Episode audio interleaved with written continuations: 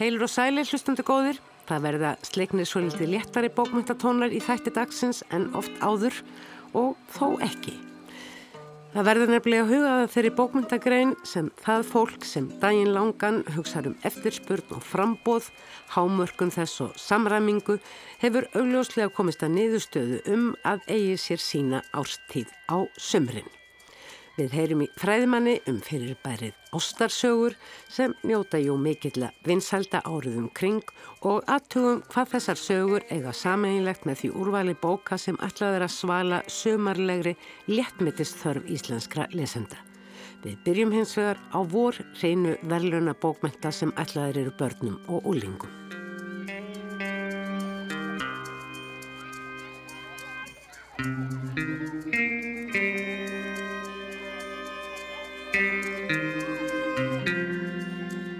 Nú þegar skólanum er að ljúka fyrir hönd mikil uppskeru hátti hjá þeim sem sísla með barnabókmyndir.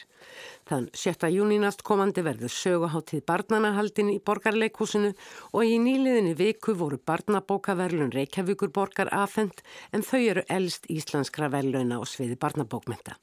Einni í vikunu voru afhengt í annað sinn verlun Guðrúnar Helgadóttur.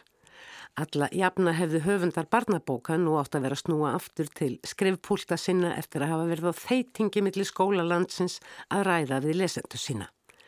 Svo var auðvitað ekki í þetta sinn og þarf að fara nánar út í það. Af sömu ástæðu var líka heldur fámynd í höfða á mánundaginn var þegar Dagur B. Ekkertsson borgarstjóri afhendi barnabókavelun Reykjavíku borgar. Þau eru veikt í þremur flokkum, flokki frum samæna barnabóka, flokki myndlýsinga og flokki þýðinga. Alls munu 108 bækur hafa verið lagðar fram, 32 frumsamdar, 20 myndskrítar eins og mér heyrðist borgarstjóri orðaða og 54 þýtar.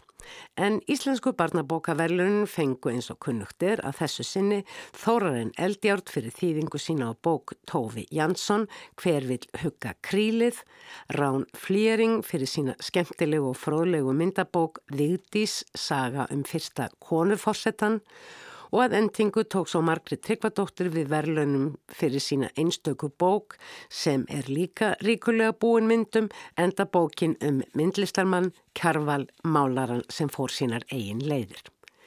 Þess má geta að 21. mars síðastliðin rýndi Hallathorlu Óskarsdóttir í báðar íslensku velunabækurnar hér í þættunum og með því að sláinn nöfnum þeirra Ránar Flýjering og eða Margreðar Tryggvadóttur Á leit á vefnum róf.is má finna þá um fjöllun og einnig nokkur viðtöl bæði við Rán og Margreti um þessar gullfallegu og áhugaverðu bækur. Hver vil hugga kríliði í þýðingu Þórarins Eldjáts er sannarlega líka vel að verðlunum komin. Hér er á ferðinni Síkildbók, kom fyrst út 1960, Laung Þula hennar ástsælu Tófi Jansson um lítið kríli og hinn stóra heim sem er fullur með personum úr Múmindal og Víðarað sem hjálpa krílinu að kljást við óttasinn og taka fjölbreytileikanum og nýjum hlutum opnum örmum. Heimspeki fyrir þau yngstu og þá sem lesa fyrir þau með myndum listakonunar og íslenskum orðum Þórarins Eldjáts.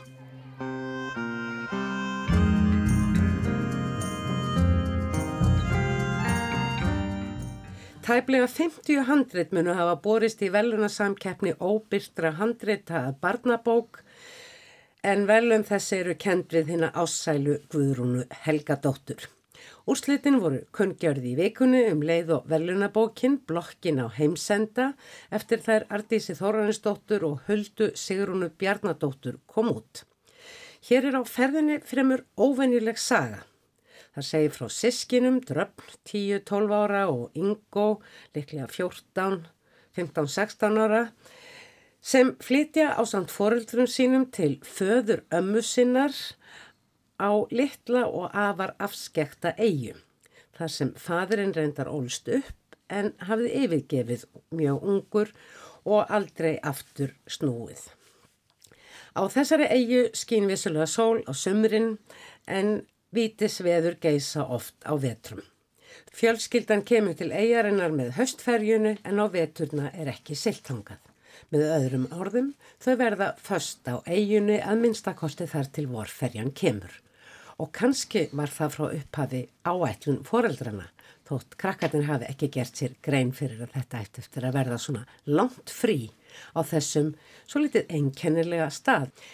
Því ljós kemur að byggðin á þessari litlu eigu hefur að mesturlagst af þar að segja húsakostur fyrir hvern og einn. Nú búa allir íbúar eigarinnar 197 tölu saman í 12 hæða íbúðarblokk og takast sameinlega á við lífið hvort heldur matargerð, heilsugæslu, ræktun, vestlun eða dýrahald svo eitthvað sé nefnt af því sem nöðsynlegt er til að halda út samfélagi manna og í sammenningu bera allir ábyrð á því að allt gangi upp. En það geta allir gert gagn með sínum hætti og það verða líka allir að gera. Lífið í blokkinni og þar með allir enni lítur þar af leiðir miklu regluverki.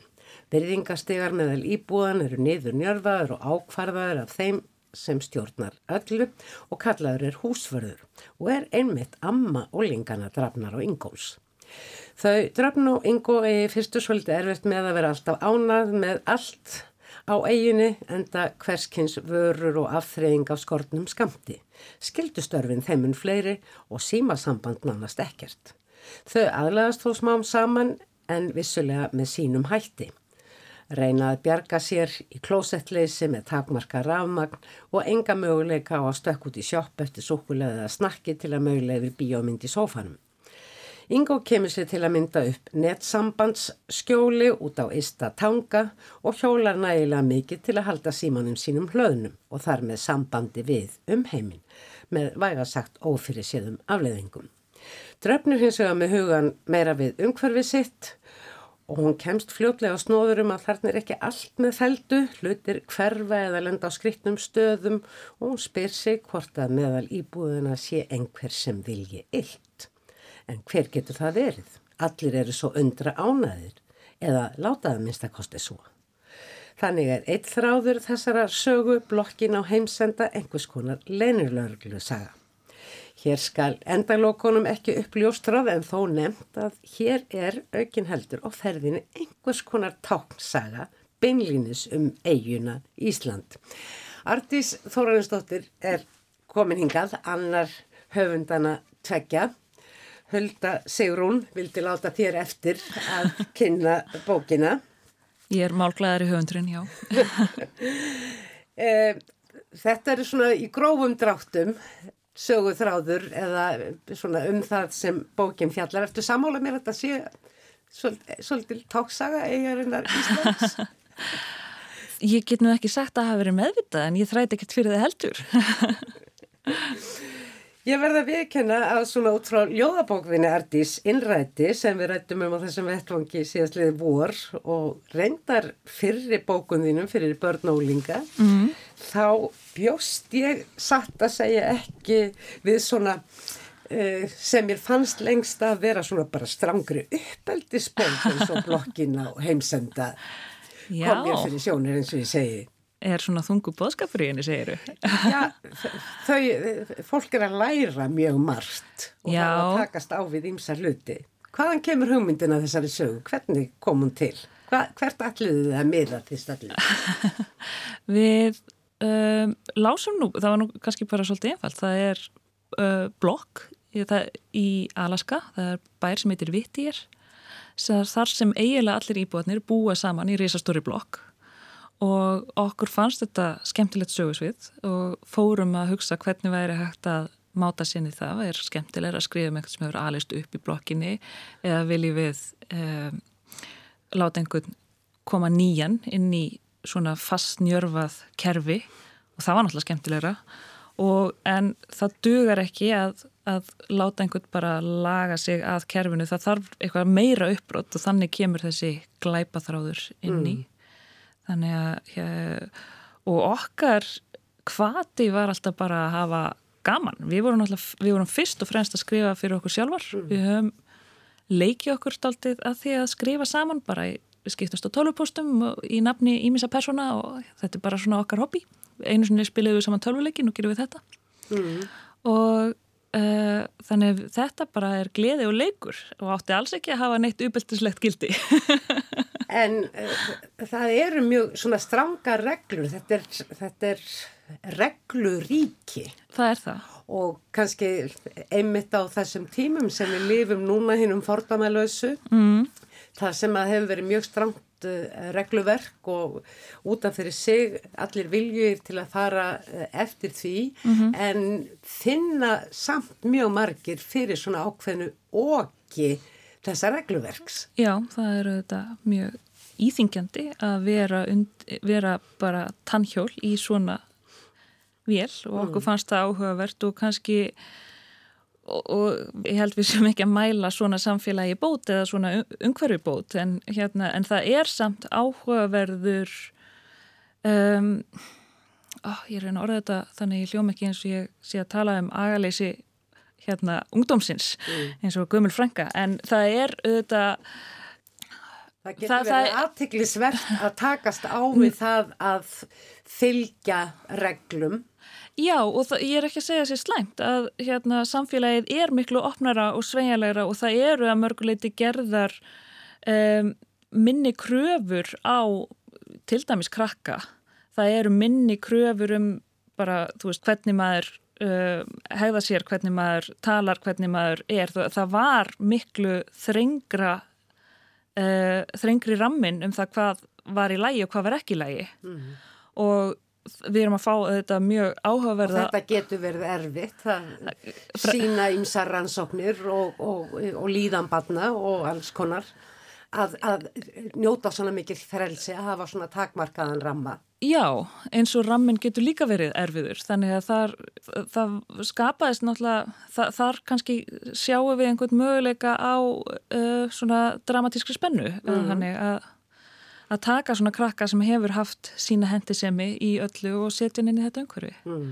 En það er ekki lærdómur sögunar að hérna, það sé langt best að hver sinni sínu starfi og hérna uh, sinni sín hlutverki það Nei, það skal tekið fram að uh, bókin leiðir e, alls ekki og síður en svo til einhvers konar niðurstöðu um uh, hvernig hlutirnir eigi að vera heldur, mm. ég segi ekki að, að bókin endi upplöst en, en endalókin koma vissulega á óvart. Já, já, það, það opnast margt og menn konur mm. og börn læra kannski að meta að allt hefur til síns ágætist nokkuð. Já.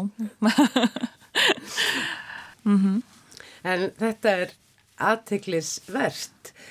Já, Hulda Sigrún Bjarnadóttir, um, hún er mér algjörlega óskrifað blað en það stóð í uh, fréttatilkynningu mm -hmm. að uh, þetta var í fyrsta bók hennar á íslensku. Mm en hún hefði áður gefið út velaunaðar úlingabækur í útlöndum. Segðu mér nú svolítið frá Huldu Sigrúnu.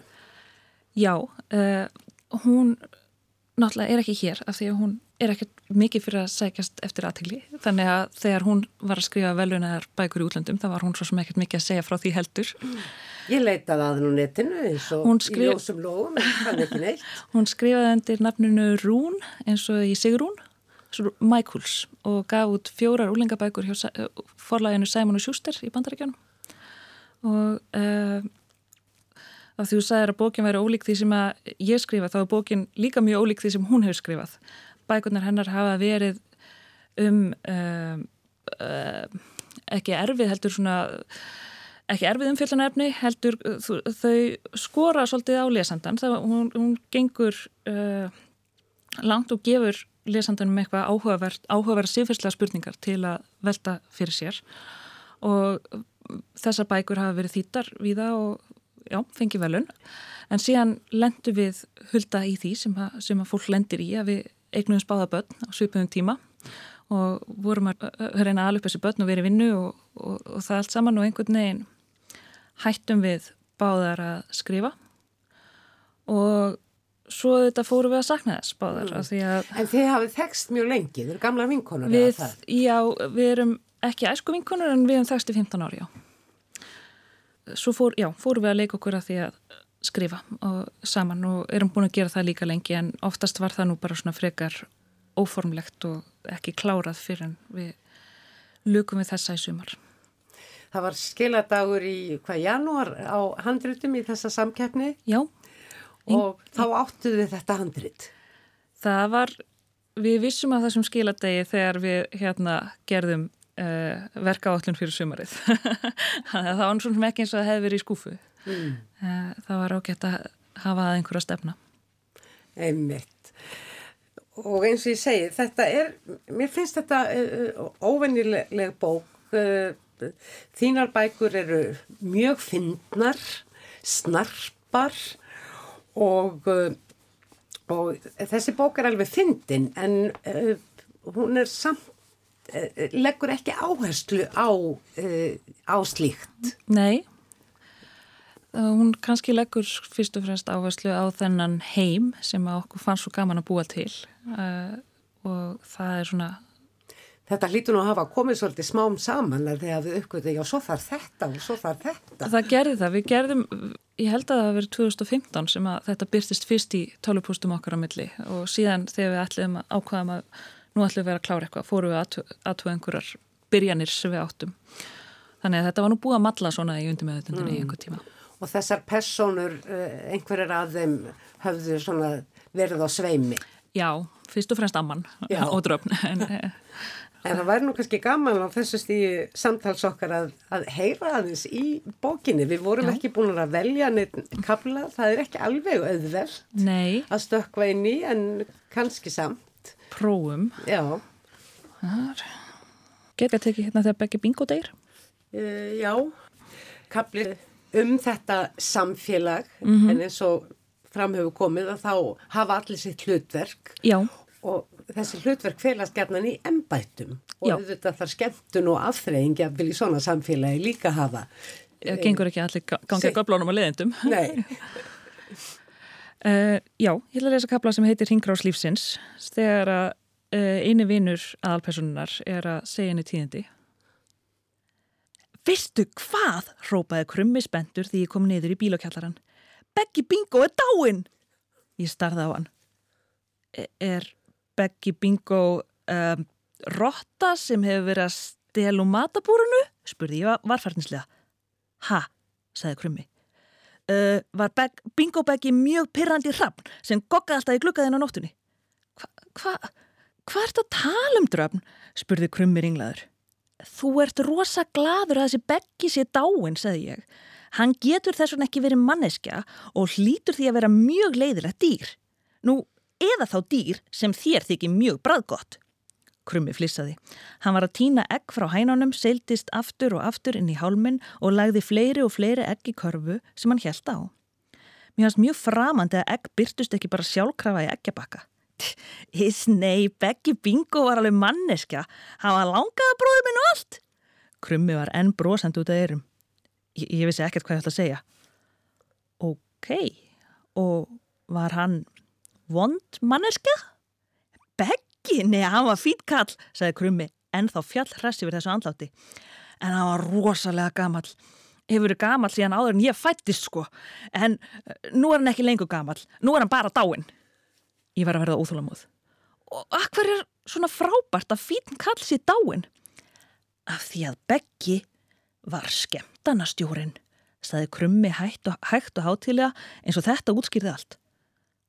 Ó, sagði ég, og hata allir í þessari blokk skemmtanir og eru þess vegna mjög gladir að skemmtanastjórnum sem dáin. Ég var að segja að það kom mér ekki algjörlega óvart. Nei, ymmit ekki, sagði Krummi. Það voru komin mörg ekki körfuna og ég fann að ég var að verða svöng. Beggi var búin að vera skemmtanastjóri í næstum 50 ár held ég. Hann var vist mjög skemmtilegur fyrstu árin. Eða sko, alveg fyrstu ára týjina. Mamma segir hann hafi verið með töfrasýningar og alls konar þegar hún var lítil en hann hefur eiginlega bara verið með bingo alla þessa öld. Og svo að þarna gerir unga fólki sér vonur um að verða eitthvað annað en bingo á skemmtunum. Mm -hmm. Þetta lýsir svolítið vel stemningun í þessari bók, svona hvernig þarna heimar mætast og eh, annars vegar er það Stórborgarheimurinn sem að dröpp kemur úr og hins vegar sko einhvers konar Íslands sveitaþór. Já, kannski svona, það er ákveðin praktík þarna sem að mm. hérna, uh, okkur fann skemmtileg í hérna, þau eru jarðbundin hann við þessar aðstæður, ein út í hafi mm. bara... Það læðist aðmannis á grunur að það gæti jáfnvel orðið framvald að þessu, að þessar personur eigi eftir að eru þið með eitthvað í pípunum þegar vinkonur? Við gefum ekkert upp. Því eins og ég segi það er uh, ekkert verið að hafa fyrir því að, að nýta alla enda í þessari bók. Það opnast möguleikar skulum við segja. Nákvæmlega. Artís Þóraristóttir takkaði kellega fyrir og til hamingi með þessa bók Takk. og skemmtilega lestur. Takk. Og huldu Sigrúnu Bjarnadóttur eru auðvitað ekki síður og skal til hamingi með þessa fyrstu bók sína á íslensku. Eftir að viðtælunum við Artísi laug var ég ekki lengi að beita réttu leitarliklunum á alnetið til að fá að vita meira um huldu Sigrúnu eða reytöfundin Rún Michaels sem reyndist auðveld. Bækurnar fjórar sem hulda Sigrún skrifaði á ennsku meðan hún bjó í Danmörku og stundaði nám í sálfræði eftir að hafa lokið prófi í bókasasfræðum hafa allar verið gefnar út af bandaríska bókafálæginu Sjúster en Sjúster. Síðar hafa þær svo komið út hjá fleiri ennskumælandi forlögum og verið þýttar og komið út meðal hannas í Belgíu og í Fraklandi. Þetta eru bækur ætlaður yngra fólki og er á vefsíðum flokkaðar sem fantasíur, vísindaskálsugur sem og sálfræði trillar og einstaka er jafnvel glæpasaga. Allar virðast þær fjalla um djúbstæðar, siðferðislegar spurningar eins og ákvarðana vald um líf og dauða, um vísindi sem og um fjölskyldutengsl. Þetta eru Genesis Alpha sem kom út árið 2007, árið síðar kom svo The Reminder. Í skáltsjónu Noble Games virðist hölda Sigrun svo í fyrsta sinn jáfnvel beita fyrstu personu frásögn og er það þá ungur maður sem segir frá. Svo bók kom út árið 2010 og er saga um fjölskyldu. Síðasta bókur hún Michaels eða Huldu Sigrunar Bjarnadóttur Fix Me kom svo út árið 2011. Það skal teki fram að allar skáldsögur Huldu Sigrunar á ennsku eru skráðar í gagnagrunn bókasafna á Íslandi, leitir.is og hægt að fá lánaðar á sömum bókasafnum.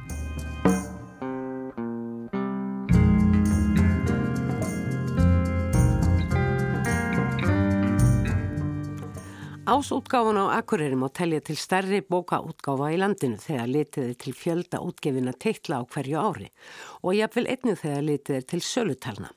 Það voru hjónin Rósa Guðmundsdóttir og Kári Þórðarsson sem árið 1985 hófa að gefa át þittar ástarsögur sem fyrirtækið Arlequin Enterprise tók að dæla út í vasabróti skömmu eftir heimstyrjöldina síðari á bandarískan og kanadískan markað og náðu þessar bækur miklum vinsældum og var fljótlega farið að þýða þær víða um heim.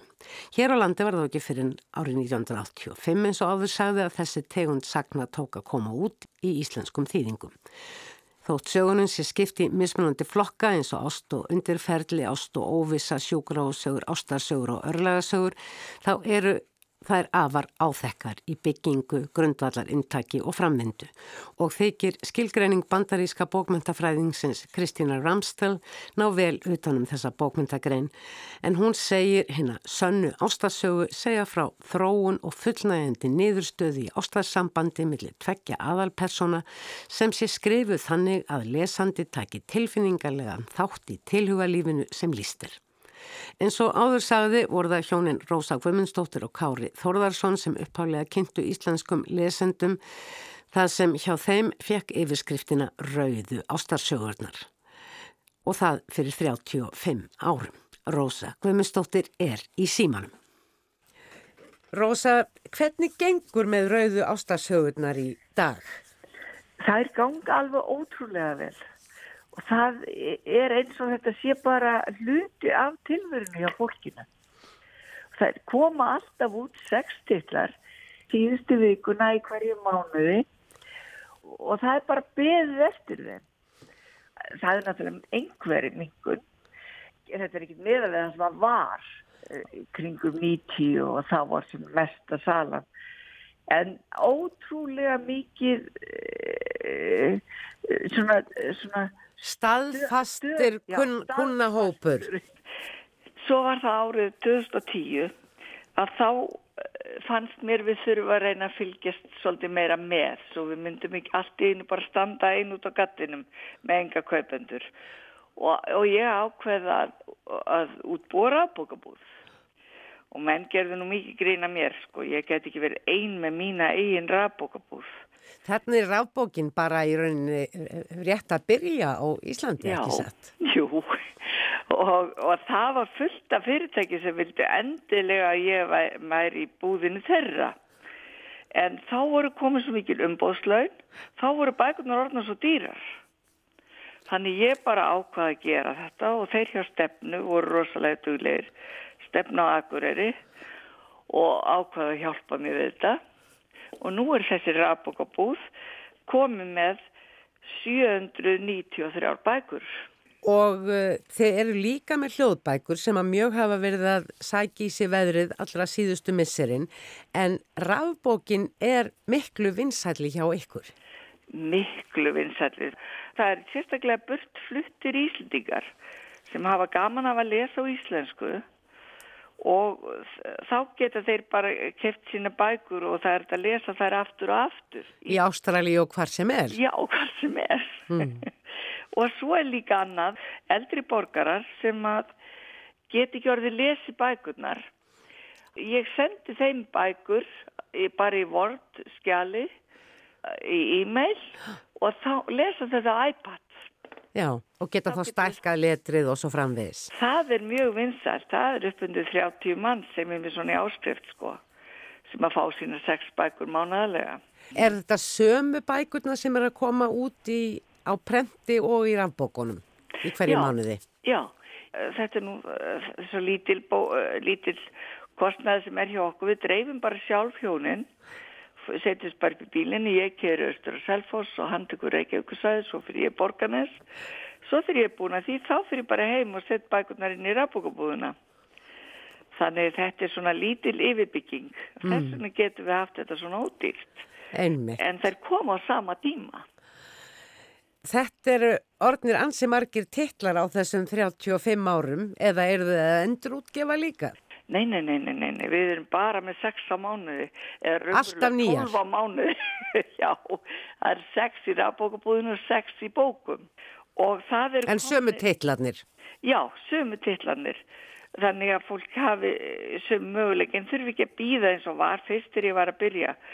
Þá voru allir sem að gáfa aldrei út rafbækuna fyrir nokkur mánuði setna. En ég var hörða því að þetta verði sama dag.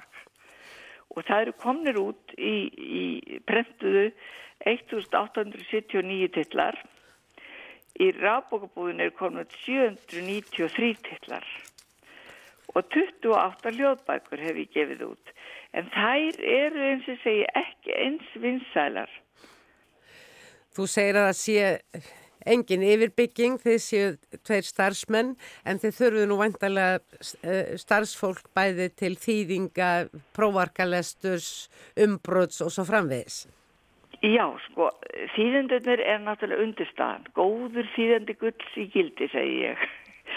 Og ég er búin að vera rosalega heppin með þýðendur. Þeir er búin að hjá mér til fjölda ára, sömu þýðendurnir. Og það eru sjö, sem eru sjö til átta, sem eru fastir hjá mér. Og svo, gamla prensmiða mín á Akureyri, hún sér um að prenta og brjótum bækurna fyrir mig Þetta er ásprent. ásprent á Akureyri og, og þeir sjá einnig um að ganga frá áskrifundum og þeir standa sig alveg ótrúlega vel og, og því að hjá mér er þetta svolítið mikið metnaður að prenta þetta á Íslandi. Lest þú mikið á rauðum ástasögum, Rósa? Já, ég fæ senda 60 bækur á mánuði og ég, ég vel alltaf bækurnar, ég les aldrei minni 15 og þá vel ég í seri, seriunar og til þess að gera litlu undir seriunar þá þarf stundum að býða í fjögur fimm ár eftir því að sé komið átta bóka seria þannig þetta er bara svona vani. Eins og ég sagði upphafi að uh, þá er kannski ekki síst galdurinn við þessar bækur og það sem að heldur lesendum svo tryggum við, við lestur þeirra að þetta er kunnulegt. Sögurnar eru áþekkar þó það séu náttúrulega misjamt hvernig personur það eru sem lenda í viðkomandi ástasambandi, hvar, hvort það er búið út á landi eða í borg uh, og svo framvegis. Þannig að söguð þræðinni geta verið með ýmsu móti.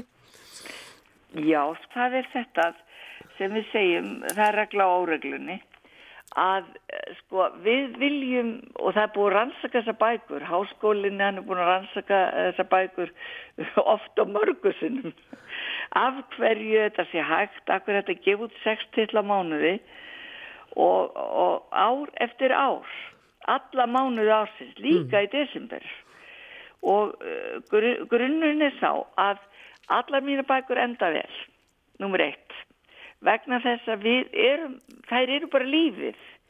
Það er ekkert líf án ástar. Ástin kemur allstaðar inn hjá öllum dýrum. Þá er ást og móður ást. Og, og síðan er það að það er svona spenna og það, það, það verður komið efni á stað á blaðsíð 15. Á blaðsíð 15 verður þú að vera komin með vakningu vegna þess að annars leggur upp bókina frá þér. Síðan er það sem að búið að rannsaka líka. Þessar bækur eru skrifaðar eins og leikrit. Þetta er raunverulega, sko, þú raunverulega sér þetta sjónrætt fyrir þér. Og, og, og þannig það eru skrifað... Þú ert með personunum. Já, þú ert með personunum og þær eru svona skemmtilegar. Þær eru náttúrulega góðar og yllar og eins og ég segi, þetta er hver sérija hefur sinn smekk. Og þeir sem vilja bara ljúvar bókmyndir þeir fá ást og sjúkrósugur síðan kemur spennan ást og afbrott og, og ást og undirferli. Þær eru svona harðar. Þær eru nokkur morð og svona. Mm. svo koma sko örlagarsögur og, og ást og óvisa þetta eru svona vissi karakterar. Það er mikið að kúrugum til dæmis í ást og óvissu. Og þegar ég les bækunar þá raða ég inn í seríunar eftir efni. Mm. Er þetta sambærileg flokkun og er hjá Arlekin Enterprise? Eh, sko, serían sem heiti hjá þeim Arlekin Intrygg það er mest hjá mér það fara í hér fjórar. Það er sem sagt, það er ást og óvissa, ást og undirferðli, ást og abrót og alveg það er indrygg fyrir þær. Svo eru, har ekki sensation, það eru ástasögunar og svo eru hospital story og það eru sem sagt sjúgráðsögunar og til dæmis að sjúgráðsögunar, það kom út sex mánuði hjá þeim. Það er svolítið erfiðu börni mín að fá góða sjúgráðsögum efni. Mm. Þannig ég kem bara með eina og það er eiginlega alveg nóg þetta eru 50 eh, bækur sem ég hef velj úr. Það eru þrjár aðra serjur sem ég fæ sendar sem ég nota ekki nema í hallari þær eru bara svo efnislittlar ég vil alltaf hafa efni hverja einustu bók. Mm. Þú velur vandlega. Já, en eru þetta ekki svolítið svona gamaldags sögur sögur sem að grundvalla svona á mjög hefðbundnum hlutverkum kynjana til dæmis Nei, það er alveg sérstök séri á þeim sem er með svoleiðis. Hjá þeim er þeir bara með fólk í vinnu sem að skrifar fyrir þá. Þessin er það sem ég er að reyna að fá kannski bara eina, tvær á ári. Þær eru alveg nýtískulegar og þarna eru konur oft í aðalhuturkum. Það er ekki, það er engi nýðulæging hjá komunum hjá mér. það er alveg að reynu. Það eru oft stjórnendur hjá mér. mm upphafi 1985 þá stóðum við til bóða að kaupa hjá þeim og vera með þeirra merki. En ég bjó bara til mitt merki sem er rauðaserjan Það eru stundum eða oft jafnvel sömu personurnar í fleiri en einni bók. Já, það eru sko litlu seríuna inn í stóri seríun eins og Tennessee Swatt það er ást og undirferli núna. Þá, þá er það sko þá er það fjölskyldur og það er kannski stóra fjölskyldur í Texas eða eitthvað svo leiðis og það er það, það sem ég er að sapna saman. Mm. af því við Íslinga við höfum uh, voða gaman að því að, að, að við erum náttúrulega uh, fjölskyldu fólk mikið. Mm. þannig við viljum vita hvað gerist hjá öllum minna fjölskylduna kannski se, se, sex mennabúkarði eða eitthvað svo leiðis bræður. Mm Og, og fjölskyldur þeirra, eiginkonur og börn og svo framvegs. Já, eiginkonur og börn, sko. Einhvers konar ættarsögur mestum því. Já, þetta, þetta er svolítið, já, einmitt, ættarsögur. Það eru svolítið hjá mér. mm.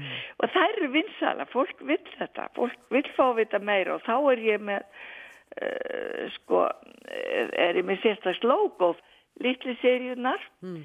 það er fór sérstaklega logo hjá mér. Hefur þér aldrei dóttið í huga að skrifa sögur sjálf í þessum stíl? Jú, ég hef bara ekki tíma. Sólaringurinn er að stuttir hjá mér en þá.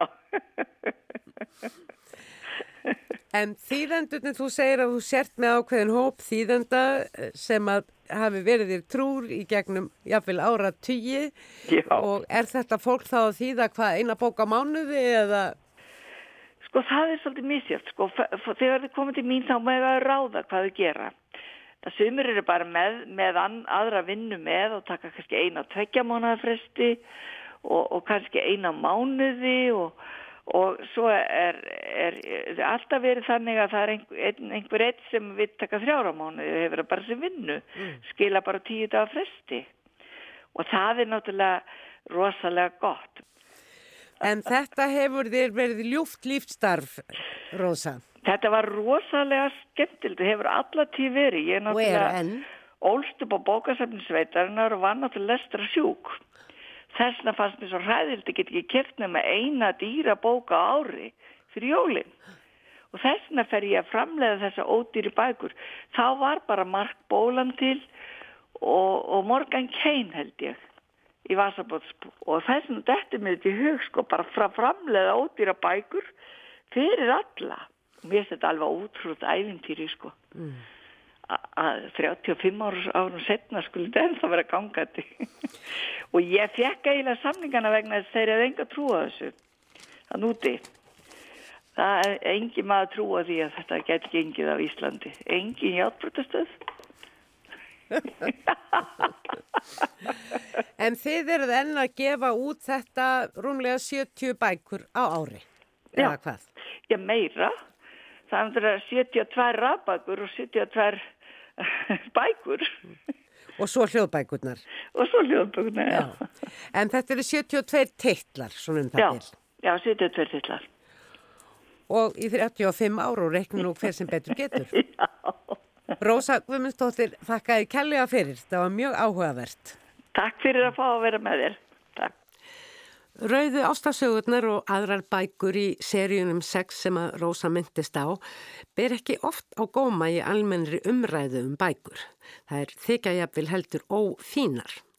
Ega síður er það ekki bara staðrend að fræðiminn hafa sannarlega látið sig þessar bókmyndir varða, enda markaðslutil þeirra og vinsældir með ágetum. Auk þess má líka kenna mörg sömu lögmál frásagnartækni og í öðrum bókmyndagreinum. Kanski ekki síst því sem í dag er kallað upp á ennsku fílgútbækur eða svona veljiðunarbækur sem og í frásögnum kvikmynda.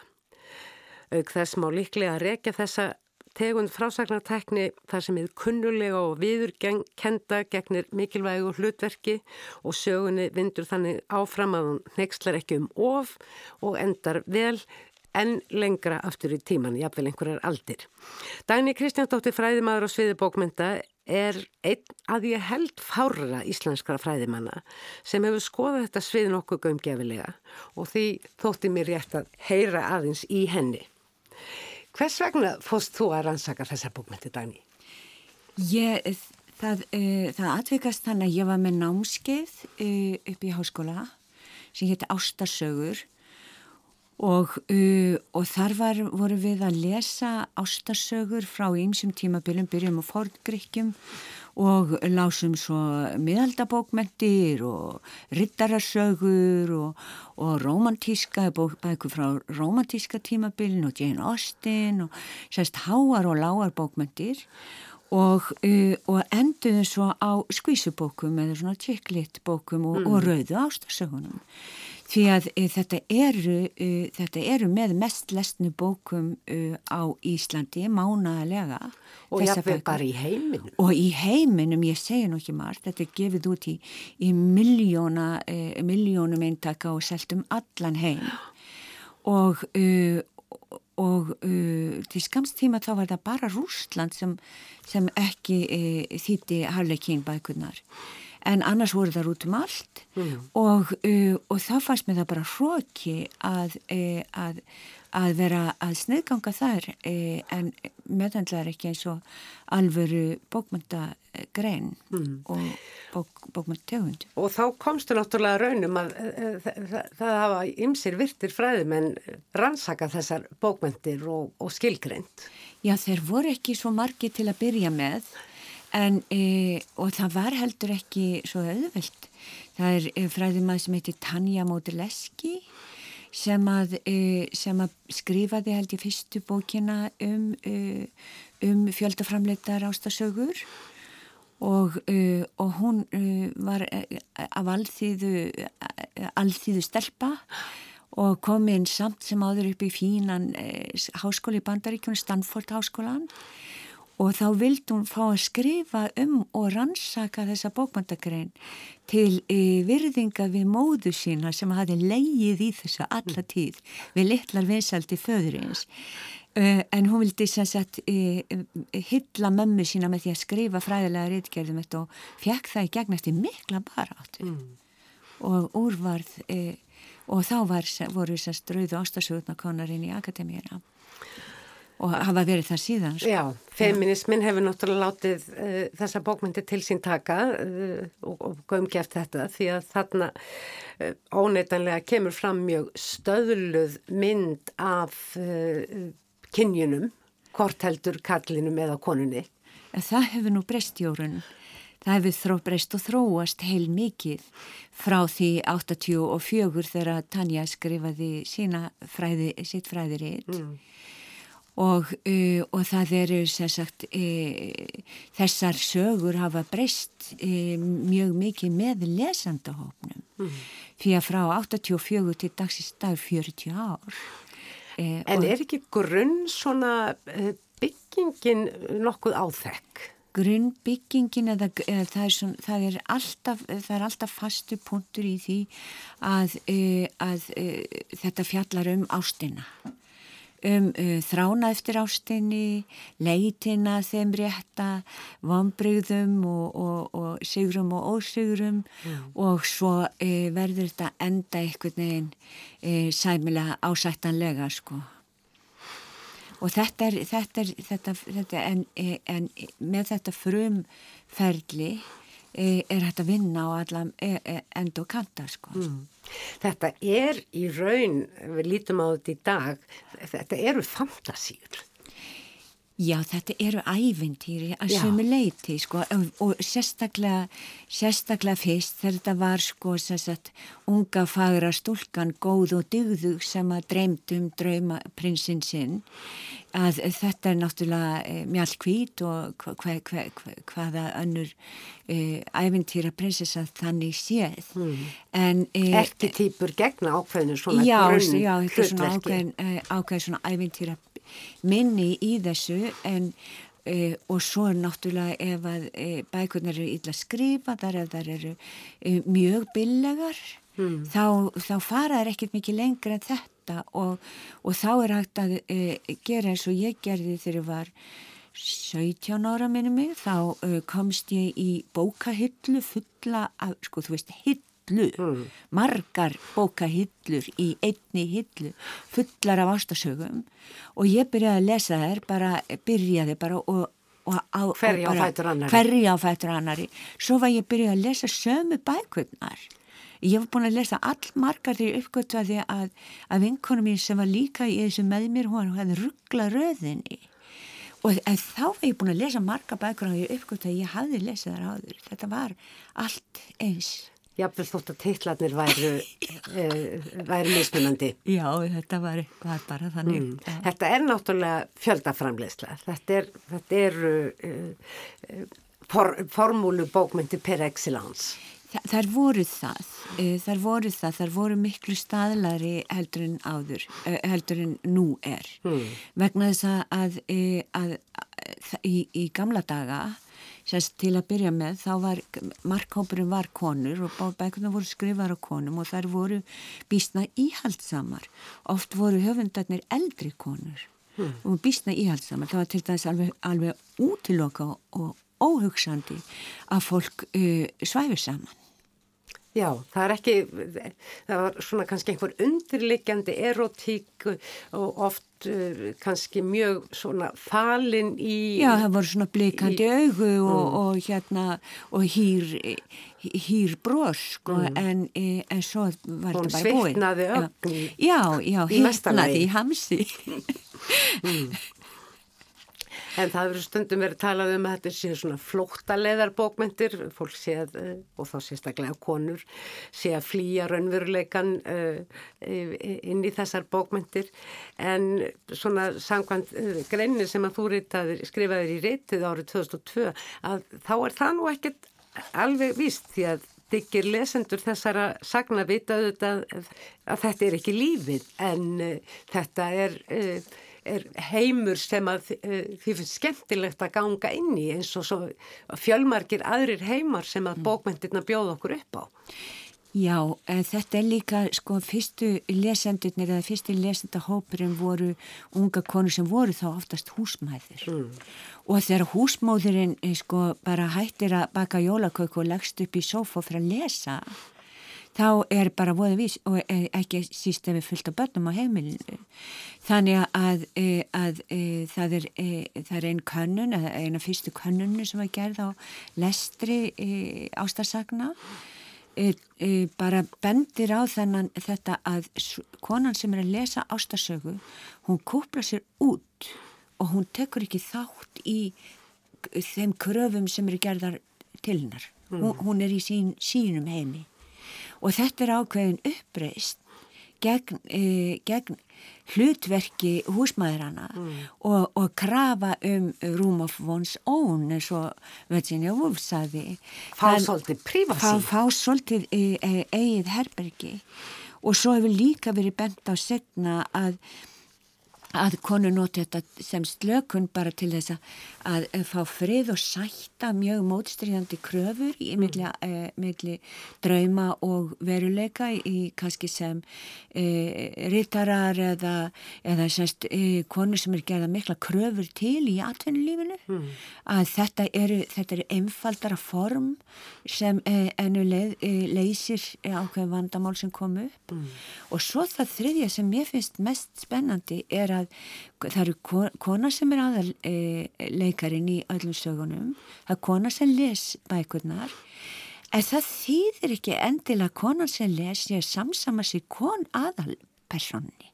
Hún getur alveg verið að samsama sig hennum demoníska elskuga mm. og, og töffaranum sem er svo óstýrilátur og þarf að, að temja svo hann sé í húsum hæfur.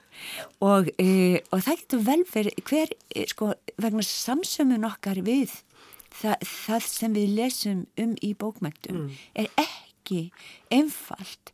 Þannig að ég sem kona samsömmu við, við e, aðra konur. Ég get mm. alveg verið að samsömmu við, við bara fléttuna eða eitthvað. Akkurat, en þú sem hefur lesið eitthvað af þessum bókum, ég verði að viðkenna að ég held ég hafi bara aldrei lesið Rauða ástasögu þótt skömsi frá að segja að uh, þetta eru tilturlega alvarlegar bókmyndir þó það séu léttar og, svona, og þeim, þeim uh, fleiti nokkuð, nokkuð rætt fram. Það, það eru ekki beint svona fyndnar eða og nokkuð nátt parodískar. Parodían er þarna viðs fjarrri. Það er, það er mismunandi. Mm -hmm. það er sko í í, í nýtísku bókum í nýtísku bókum í skvísubókunum er það er algjörlega fyrir hendi og ástarsögurnar hafa mjög laga sig að því og það eru sko, það eru til dæmis þessar tjekklitt sem að e, oft vinna með e, aðalpersonu, e, konu eða stúlku, unga konu sem að er látt frá því að vera fullkomin hún er ekki íðil fögur, hún er ekki með fyrirsætu vöxt og svo framvegs framvegs hún getur verið eins og Bridget Jones svolítið mm. búttuð og, og, e, og breysk. Og hérna og svo getur hún verið í, í nýri, nýri ástasögum þá er hún oft uh, mjög uh, svona stríður karakter. Mm. og stundum fíkill, stundum uh, kona sem þrá að regnast bann er jáfnvel að, að glíma við eitthvað svona undirlikjandi sjúkdóma og, og fleira og fleira er Það rúmast í rauninni rúmast allt, allt innan, innan þessa sjálfis eða þessar greinar. Já, að, núorðið. Já og núorðið sko eru þetta mjög uh, bækur sem að taka á flestum þeim vandamálum sem að, að ungar uh, konur glíma við. Mm. Það geta verið fyndnar og þær geta verið í, í, í laðastað glæpasögunni en, en að það er alltaf ást, eitthvað ástaeventyr sem er. En er ekki þarna. líka alltaf mikilvægt að viðhalda einhverju svona kunnulegu? Í byggingunni, í framvindunni og svo uh, framvegis. Jú, þetta leysir, uh, þetta barnabí leysir vandan, það, uh, það er bara... Hann verður að leysa vandan. Hann verður að leysa vandan, já. En svona tekstin í þessum bókum, hann er vissulega mismunandi. Sumari eru bara mjög vandaður skálskapur. Já, þar eru það. Mm. Það, er, sumar, þar bestu eru það og, uh, og það má uh, stinga þar út og benda á þar uh, sem eru uh, virkilega fínar, eru innan þessa, uh, þessa ramma og, og það verða þá höfundar sem, sem uh, hafa status og skrifa kannski serjur og fleira og lesendu fylgja þeim þá. Það eru svona stjörnur. En svo líka það, það var skrifið bók sem, að, hérna, sem var ansi e, áhaverð e, sem, sem að hétt e, háskalegir kallar og, og æfint þeirra konur eða eitthvað svo leiðis mm -hmm. og uh, hún er skrifið af uh, fjórum eða fimm höfundum ástasagna Þetta er ástasaga sem sagt. Nei, nei, nei. nei þetta er um, um þetta er um, þetta er bókmyndafræðilegt rít um ástasögur skrifað af fjórum eða fimm ástasagna höfundum sem allar eru bókmyndafræðingar að ment og þannig að þær geta talað um uh, þessa, þessa sjangru eða þessa bókmyndagrein mm. og geta talað um þetta bókmyndasvið bæði innanfrá og utanfrá og þær segja hérna e, að e, þær séu sakaðar um flatan, lákurlegun og fárulega stíl. Það, það, það, sé, það sé bara fáfræði vegna þess að, að þær skrifi stíl sem sé tungumál ástasagnana Það skrifi tilfinningaþrungin, svolítið yktanstíl með, með, e, með undirleikjandi svona erketýpum og góðsögnum og, og klísjum. Þetta gerir þær fullkonlega uviljandi. Það séu ekki, það þýðir ekki að skamma þær fyrir að vera að skrifa svona prósa. Þetta séu, þetta séu ástasögurnar. Hmm.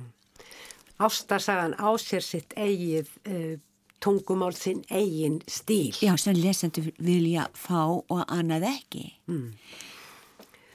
Þetta er ótrúlega mikið meira spennandi heldur en ég hefði nokkuð tíman uh, gert mér grein fyrir en við erum vist komin í þrótt með tímandagni ég er næstum því vissum að ég á eftir að kalla þau á minn fund aftur í sumar þegar ég er búin að lesa allar uh, sögurnar sem að uh, sverja sig í þessa ætt Kæra þakkir Fleiri verða orðum bækur ekki að þessu sinni. Tæknimaður var Lítiða Gretastóttir. Takk fyrir að hlusta. Verði sæl.